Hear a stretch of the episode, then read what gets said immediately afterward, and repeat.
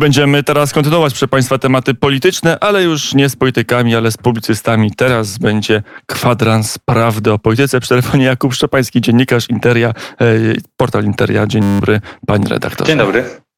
Witam serdecznie. Katarzyna Lubnauer e, powiedziała, że z miłą chęcią powitałaby wiosnę i Roberta Biedronia e, na pokładzie koalicji obywatelskiej. Ile jest prawdy i co oznaczają, jaka jest waga polityczna tych doniesień, które między innymi Interia publikuje, że e, są spotkania i są rozmowy między Rafałem Trzaskowskim a europosłem, liderem wiosny Robertem Biedroniem?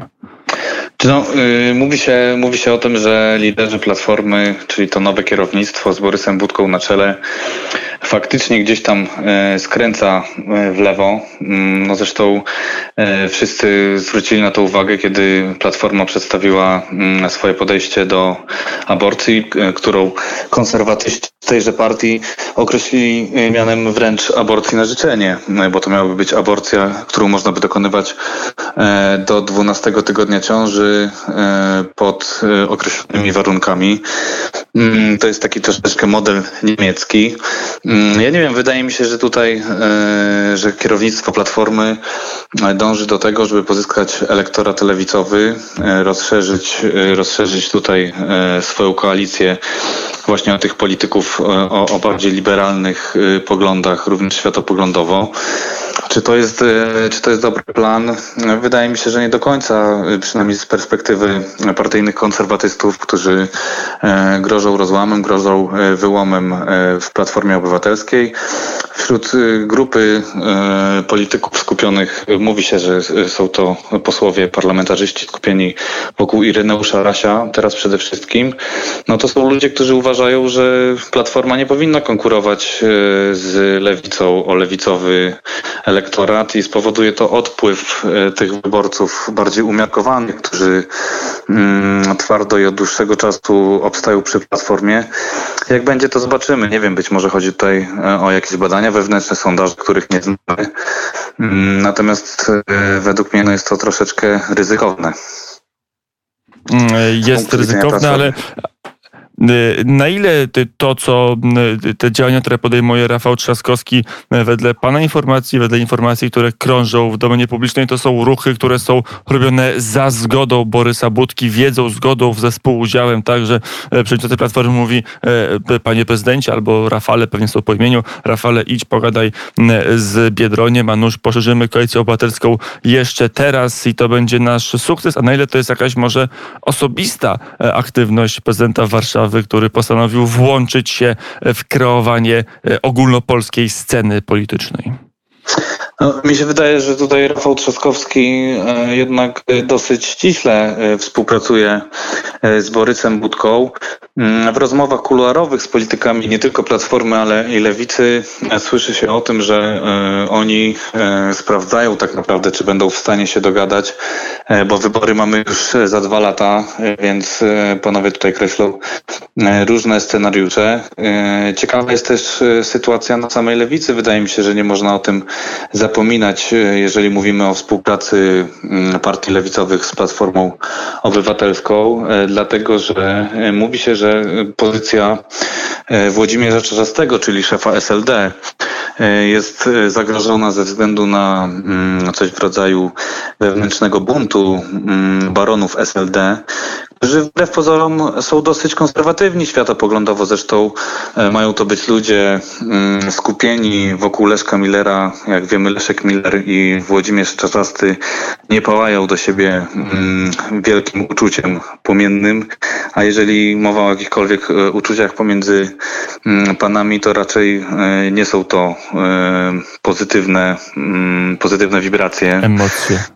Emocje, przepraszam. A właśnie, tak, bo, bo, bo, bo mówi się, bo, bo, mówi się, że y, jednym z czynników, który determinuje y, poczyniania polityczne Roberta Biedronia i ten ewentualny flirt, a nawet odłączenie się od lewicy i przejście e, w objęcia Platformy, czy Koalicji Obywatelskiej, bo e, tak formalnie by się ta, ten twór dalej pewnie, pewnie nazywał, e, to jest właśnie brak jasności co do kierownictwa w SLD, że, że jednak przywództwo Czarzastego jest kontestowane i że być może nagle wiosna straci ważnego partnera po stronie SLD, jakim jest Włodzimierz Czarzasty, którego wszyscy koalicjanci i partia Razem i Wiosna cenią za to, że jest układny, miły i dobrze z nim współpracuje. Jest coś w tym, że, że może dojść do przewrotu w SLD i że ten przewrót może całkowicie wywrócić na inną stronę. Chciałem powiedzieć lewo, to może nie będzie dobre, ale jakoś prze, przeorientować i przebudować ten twór, jakim jest obecnie lewica w polskim parlamencie. No zdecydowanie, zdecydowanie jest tutaj coś na rzeczy. Pamiętajmy, że mówi się w, w, klubie lewicy, że takim pstryczkiem w nos, jeżeli można tak to określić, dla Włodzimierza Czarzastego, takim sygnałem ze strony tych właśnie baronów, czyli szefów SLD w regionach, było odwołanie E, bliskiej współpracowniczki e, pana przewodniczącego, przewodniczącego Czarzastego, czyli Anny Marii Żukowskiej. Ona nie jest już rzecznikiem. E, no i to też nie wydarzyło się przez przypadek. W, w klubie parlamentarnym mówi się, że mm, baroni, czyli właśnie politycy, ważni politycy SLD z regionów, no, podchodzą bardzo niechętnie do takich, do takich deklaracji światopoglądowych, do epatowania mm, kulturą LGBT, poparciem dla tej kultury, y, taką niechęcią w stosunku do kościoła, i, i, czyli tą kartą właśnie światopoglądową. E, w związku z tym, jeżeli Włodzimierz Czasty straci, e, odejdzie, straci fotel przewodniczącego SLD, to wtedy ta współpraca z Robertem Biedroniem no, może skończyć się fiaskiem. Z kolei wiosna obawia się, mm, że w takim przypadku, kiedy będziemy mieli wybory, no to tutaj ten projekt e, może przepaść w pojedynkę bez, bez SLD i razem. Jak to się będzie dalej układało, nie wiadomo. E, no, poza tym zwróciłbym również uwagę chociażby na e, wypowiedzi pana Marka Dyducha w jednej ze stacji radiowych, może tutaj... Który się objawił po wielu tak. w Radio RMF, który się w, po wielu, wielu miesiącach ciszy, od kiedy znowu wrócił do Sejmu. Zresztą Marek Dyduch kiedyś bardzo potężna e, polityczna figura w ówczas potężnym SLD. E, teraz raptem poseł objawił się ostatnio w mediach rzeczywiście i dał ciekawy wywiad. No pamiętajmy o czym y, pan Dyduch powiedział. Pan Dyduch powiedział, że lewica może zyskać y, nawet 20%, bo y, sondaże jak na razie są łaskawe dla lewicy, ale powiedział, że, że, te, że ten próg 20% jest możliwy do przebicia pod jednym konkretnym warunkiem, że w szeregach lewicy, jak to określił, nie będzie lewackości. No to jest takie dosyć mocne sformułowanie i o ile wiem, wywołało spore poruszenie, zwłaszcza w szeregach wiosny, w szeregach posłów należących do partii Roberta Biedronia, więc tutaj spodziewałbym się, y, spodziewałbym się trudnych rozmów, y, a może nawet jakichś poważniejszych y, kroków w klubie lewicy. No, pamiętajmy też, że SLD, przynajmniej jeżeli te wszystkie plany mm, zostaną zrealizowane, ma się połączyć z wiosną. Na to od, od tego czasu, od, od, te, od tych deklaracji pierwszych o połączeniu mija już dwa lata. No jak na razie statutu e, nie udało się zarejestrować w sądzie z różnych powodów. Mm, no nie ma też w związku z tym wyborów wewnętrznych, mamy też pandemię.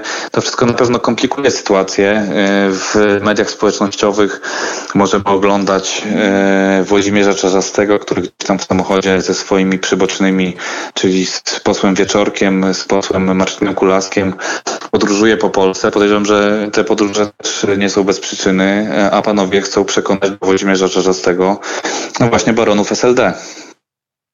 E, żeby e, do takiego połączenia doszło, a być może, żeby w ogóle zwinąć sztandar SLD i są takie osoby jak Leszek Miller, jak Marek Dydu, którzy, którzy są do tego sztandaru e, przywiązani. Zresztą przynajmniej Leszek Miller kiedyś już jeden sztandar wyprowadzał i może ma traumę. I to by trochę tłumaczyło. No dobrze, to zresztą Włodzimierz Czarzasty również, więc to może nie jest tutaj determinujący czynnik podejścia do tego, czy zwijać, czy nie zwijać SLD w całości.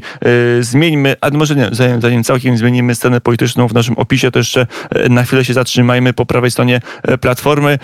Pan redaktor kilka wywiadów z politykami Platformy odbył, to dość ważnych wywiadów w momencie, kiedy ta partia dyskutowała, co zrobić ze swoją ideową deklaracją, co zrobić z aborcją. Ireneusz Raś mówił, czy niedwuznacznie sugerował, że jeżeli Platforma pójdzie mocno w lewo względem aborcji czy rozdziału e, Kościoła od państwa, to on e, w takiej platformie siebie nie widzi. E, no, decyzje zapadły. Ireneusz Raś w Platformie pozostaje. Pytanie, czy to jest sytuacja trwała, że pan poseł Raś będzie już się pogodził z tą Platformą, czy po prostu czeka na dobry moment, aby ją opuścić? No przede wszystkim pamiętajmy, że nie chodzi tutaj e, nie, tylko i wyłącznie o posła Rasia, e, ale wokół Ireneusza Rasia skupieni są inni parlamentarzyści i również, e, również osoby z zarządu Platformy, także to wbrew pozorom nie jest jakaś jednoosobowa wolta, tylko może nieść za sobą jeszcze większe konsekwencje, tym bardziej, że jak wiemy z Koalicji Obywatelskiej, no posłowie, no i z Platformy również posłowie zwyczajnie odchodzą więc Borys Budka ma na pewno e, duży problem. Mm, w rozmowach z konserwatystami Platformy, no ja zawsze słyszę, że mm, został popełniony błąd, jeżeli chodzi o tę deklarację chociażby dotyczącą aborcji, ponieważ Platforma w sporze światopoglądowym, jak oni to określają, mm, postawiła się po jednej ze stron, czyli postawiła się po tej stronie bardziej e, liberalnej. E, no i dla tych ludzi, którzy byli konserwatystami w Platformie, no jest to na pewno duże zaskoczenie i oni muszą sami dogadać się między sobą i, i zastanowić się, co dalej robić. No, czy, czy zostaną, biorąc pod uwagę, no, jak pan redaktor tutaj zauważył, e, sama Katarzyna Lubnauer mówi o tym, że chętnie widziałaby wiosnę w koalicji, czy też partie lewicowe.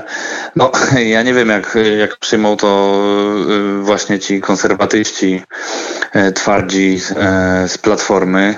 No, mamy też takich w Senacie, więc czy to pociągnie za sobą E, większe konsekwencje, spowoduje większe konsekwencje. No obawiam się, że właśnie może, z punktu widzenia Platformy właśnie tak może się wydarzyć i może się okazać, że ze względu na ten skręt w lewo Platforma przestanie być partią centrową, za jaką chciałaby uchodzić, a stanie się stricte lewicowa. Tylko czy, czy, czy tu na polskiej scenie politycznej jest miejsce, żeby zastąpić, no bo w tym wypadku musiałaby zdobyć wyborców wiosny razem SLD czy, czy Platforma jest w stanie mm, z nimi konkurować, no wydaje się, że chce, że chce stanąć w szranki.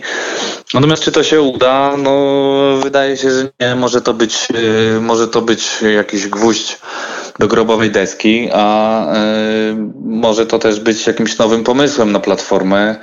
Tylko, że ja tak do końca nie wiem, czy, czy, czy Platforma na tym wyjdzie dobrze. Rozumiem, że y, nowe kierownictwo Platformy bazuje w znacznej mierze na sondażach, więc te swoje decyzje mm, jakieś tam podłoże twarde w badaniach mają. Także naprawdę na pewno jest to ciekawy moment historii Platformy mm, Obywatelskiej. To jeszcze przejdźmy do innego ciekawego momentu, tym razem dla obozu rządzącego. E, pytanie, na ile to jest ważny sygnał, bo rzecznik prezydenta, pan minister Błażej Spychalski wypowiedział się, że prezydent oczekuje, aby koalicja rządząca była bardziej e, zwarta i żeby mniej zajmowała się samą, e, sama sobą, a bardziej sytuacją w Polsce niełatwą. Przecież to jest sygnał, którego dawno już Pałac Prezydencki nie, wysiło, nie wysyłał tak mocno i to jeszcze ustawiający prezydenta w roli jakiegoś super arbitra, który z wyżyny urzędu, urzędu prezydenckiego trochę poucza polityków i Prawa i Sprawiedliwości i Solidarnej Polski porozumienia, żeby się e, nie bili jak niegrzeczne dzieci w piaskownicy. No, pan prezydent, y, co trzeba zauważyć i odnotować, jako jeden z nielicznych na tym urzędzie ponownie wybrał, wygrał wybory, więc wydaje mi się, że tutaj mógł nabrać pewności siebie postawić się w roli właśnie takiego arbitra w prawicowym e, obozie, w obozie rządzącym i Zjednoczonej Prawicy. E, pewnie ma do tego prawo. No, e, z drugiej strony Zjednoczona Prawica jest teraz strawiona mm, konfliktami wewnętrznymi. Z jednej strony mamy porozumienie i rozłam w porozumienia, czyli grupę bielanowców, w tym ministrów, wiceministrów w rządzie Mateusza Morawieckiego, którym przecież wicepremier Jarosław Gowin wycofał rekomendacje tutaj dzisiaj jest oczekiwanie w tej części porozumienia Gowinowców, żeby do gry gdzieś wkroczył Jarosław Kaczyński, rozsądził ten spór, pokazał, kto jest prawowitym przywódcą w koalicji. Z drugiej strony Adam Bielan oczekuje rozstrzygnięcia sądu i, i chciałby przejąć stery w porozumieniu, co już jest problemem, no bo jak tutaj rządzić, kiedy trudno dogadać się między sobą i nie wiadomo tak naprawdę, kto zgodnie z umową koalicyjną e, powinien sprawować funkcje ministerialne. No to jest pierwszy duży problem Zjednoczonej Prawicy, czyli ta część e, Gowinowa. Po drugiej stronie mamy Solidarną Polskę, e, no i przecież dymisję Janusza Kowalskiego, czyli jednego z polityków obozu Zbigniewa Ziobry, który nie przebierał w słowach, jeżeli chodzi o politykę, zwłaszcza tą w kontekście Unii Europejskiej, politykę energetyczną prowadzoną przez rząd Mateusza Morawieckiego. No sam fakt, że mm, chociaż mówiło się o tej e, dymisji, ja przypomnę, mówiło się o tym już w czasach rekonstrukcji jesienią. E, mówiło się, że Mateusz Morawiecki nie chce e, współpracować z Januszem Kowalskim, natomiast na, na dymisję musieliśmy poczekać kilka miesięcy. W końcu doszła ona do skutku, z czego na pewno ziobryści zadowoleni nie są. No i wiadomo, że jeżeli PiS ma tutaj prezentować mm, jakąś swoją politykę, wizję Polski po pandemii, no to potrzebuje, potrzebuje przede wszystkim zgody we własnych, we własnych szeregach, więc musi uporządkować, chce czy nie chce, musi uporządkować sytuację u siebie. To oznacza z kolei e, u siebie, czyli w koalicji. To oznacza rezygnację z poszczególnych, e, z ambicji poszczególnych liderów. Jak wiadomo, polityka to jest też e, no, mnóstwo ambicji i też sporów personalnych, mm, doświadczenia własnych chęci. No pytanie, czy, czy liderzy Zjednoczonej Prawicy mm, no, będą potrafili przejść trochę obok tych wszystkich animozji. E, do tego, do tego jeszcze mamy ostatnie głosowanie w Sejmie głosami Solidarnej Polski e, pan wicepremier i minister kultury Piotr Biliński musiał się tłumaczyć ze swoich wydatków, co też zostało odebrane, o ile mi wiadomo, w PiSie dosyć jednoznacznie i nie przysporzyło sympatii e, panu prezesowi Ziobrze u Jarosława Kaczyńskiego.